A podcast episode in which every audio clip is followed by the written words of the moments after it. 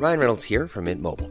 With the price of just about everything going up during inflation, we thought we'd bring our prices down. So to help us, we brought in a reverse auctioneer, which is apparently a thing. Mint Mobile unlimited premium wireless. Ready to get 30, 30, bit to get 30, bit to get 20, 20, 20, bit to get 20, 20, bit to get 15, 15, 15, 15 just 15 bucks a month. So, Give it a try at mintmobile.com slash switch. $45 upfront for three months plus taxes and fees. Promo for new customers for limited time. Unlimited more than 40 gigabytes per month. Slows. Full terms at mintmobile.com.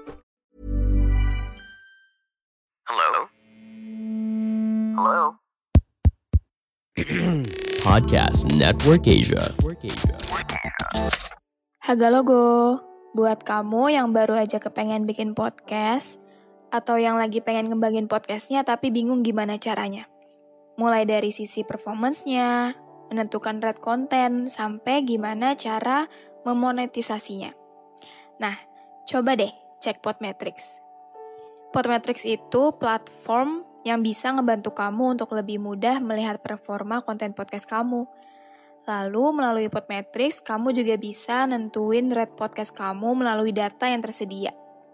Serta bisa juga memonetisasi konten kamu dengan campaign-campaign dari brand yang cocok dengan podcast kamu. Bahkan nih ya, Podmetrics juga bisa ngebantu kamu buat ngedapetin inspirasi dalam ngebuat iklan dalam podcast kamu dengan contoh iklan yang udah tersedia. Gak ketinggalan juga, sekarang Podmetrics juga ada fitur Pod Earnings dengan berbagai metode pembayaran. Sehingga ngemudahin kamu untuk mendapatkan penghasilan dari Podmetrics. Jadi, kalau kamu seorang podcaster atau yang baru pengen jadi podcaster, pastiin kamu mendaftar Podmetrics dengan memakai Podmetrics referral aku. Klik langsung aja pot link yang ada di deskripsi box dalam episode ini. Haga logo, segemu gua aga. Apa kabar kalian yang lagi dengerin ini? Semoga sehat-sehat ya. Malam ini adalah malam ketujuh Adam udah gak ada. Yang gak tahu Adam bisa dengerin episode yang tentang kehilangan by the way. Malam ini gue ketemu lagi sama temen SD gue. Kali ini lebih banyak, alhamdulillah, walaupun gak satu kelas full sih. Cuma gak apa-apa, tetap seru. Ketemu lagi sama temen SD, teman masa kecil, ketika udah umur kepala dua. Rasanya nano-nano, lebih ke seru sih.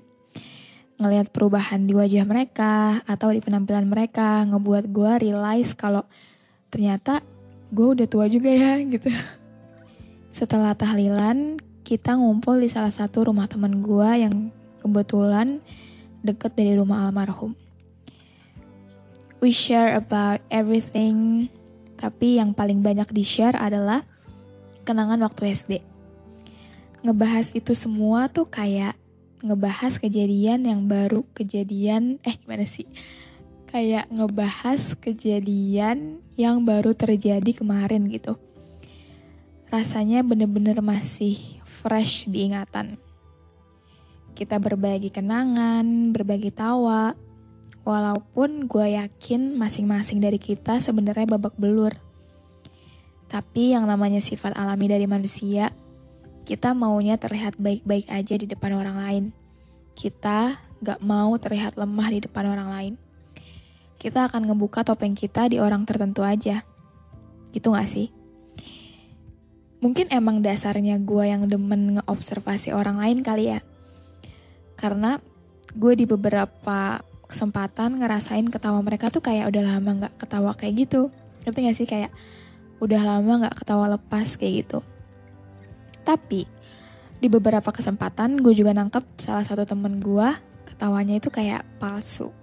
Gue nggak tahu bener atau enggak tapi gue ngerasanya kayak gitu.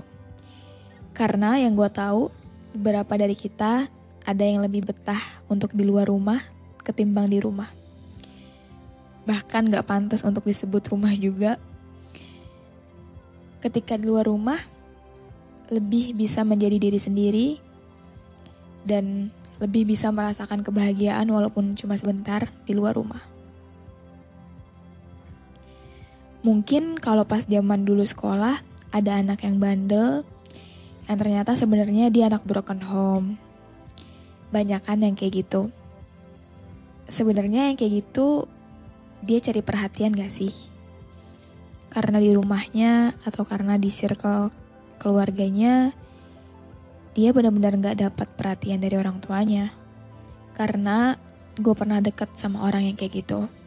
He's my ex by the way. Anaknya bangor banget kalau di sekolah. Pulpen nggak pernah punya.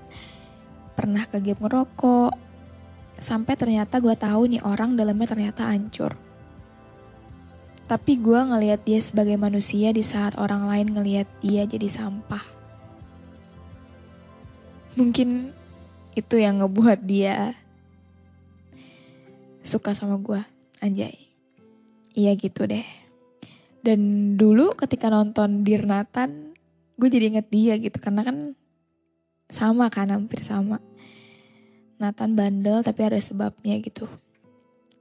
Ya, Intinya gue mau bahas tentang orang yang kelihatan baik-baik aja padahal enggak. Mungkin istilahnya zaman sekarang ngebadut. Tapi ternyata ada juga loh istilah lainnya yaitu excedentesias.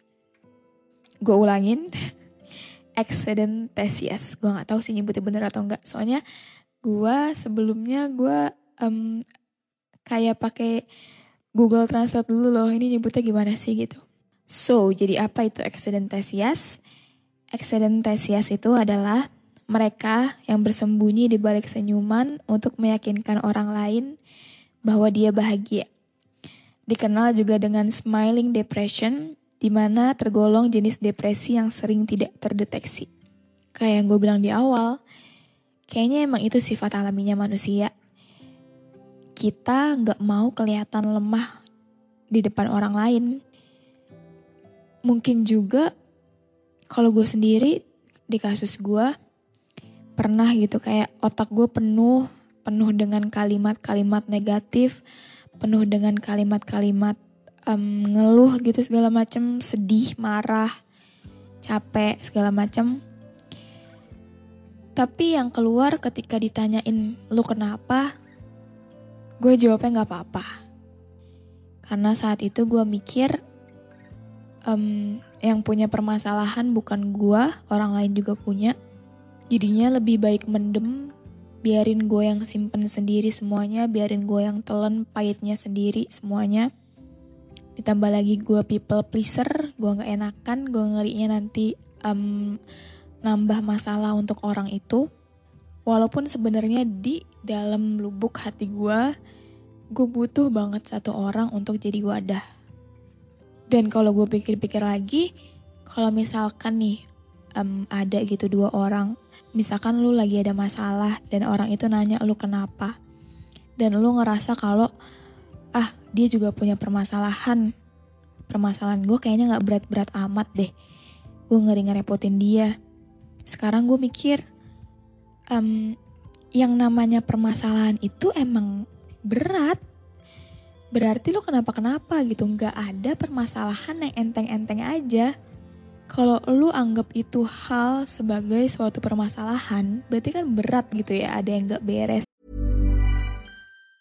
This Mother's Day, celebrate the extraordinary women in your life with a heartfelt gift from Blue Nile. Whether it's for your mom, a mother figure, or yourself as a mom, find that perfect piece to express your love and appreciation. Explore Blue Nile's exquisite pearls and mesmerizing gemstones that she's sure to love. Enjoy fast shipping options like guaranteed free shipping and returns. Make this Mother's Day unforgettable with a piece from Blue Nile. Right now, get up to 50% off at BlueNile.com. That's BlueNile.com. Hiring for your small business? If you're not looking for professionals on LinkedIn, you're looking in the wrong place. That's like looking for your car keys in a fish tank.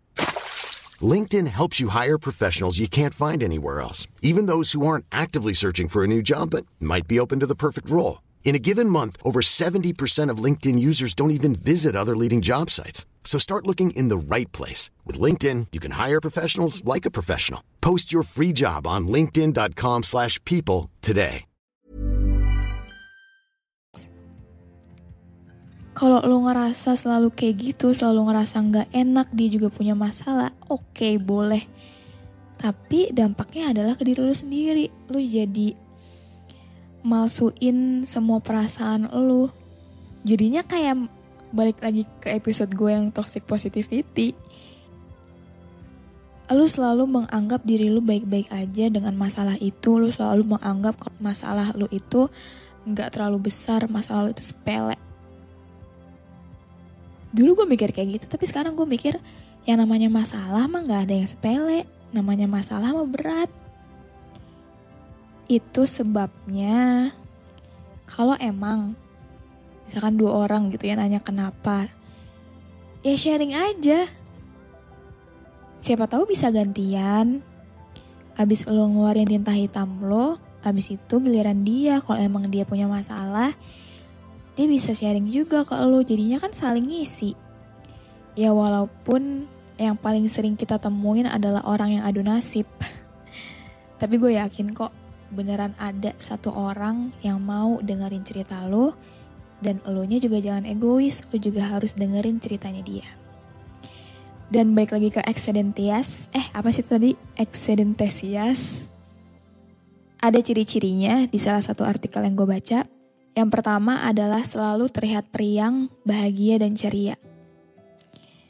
Tanda paling umum kalau lo seorang excedentesias adalah karena lo selalu terlihat periang. Um, orang-orang di sekitar lo ngerasa lo gak punya beban hidup dan selalu terlihat bahagia Lu pun seneng ketika orang berpikir kalau lu seneng.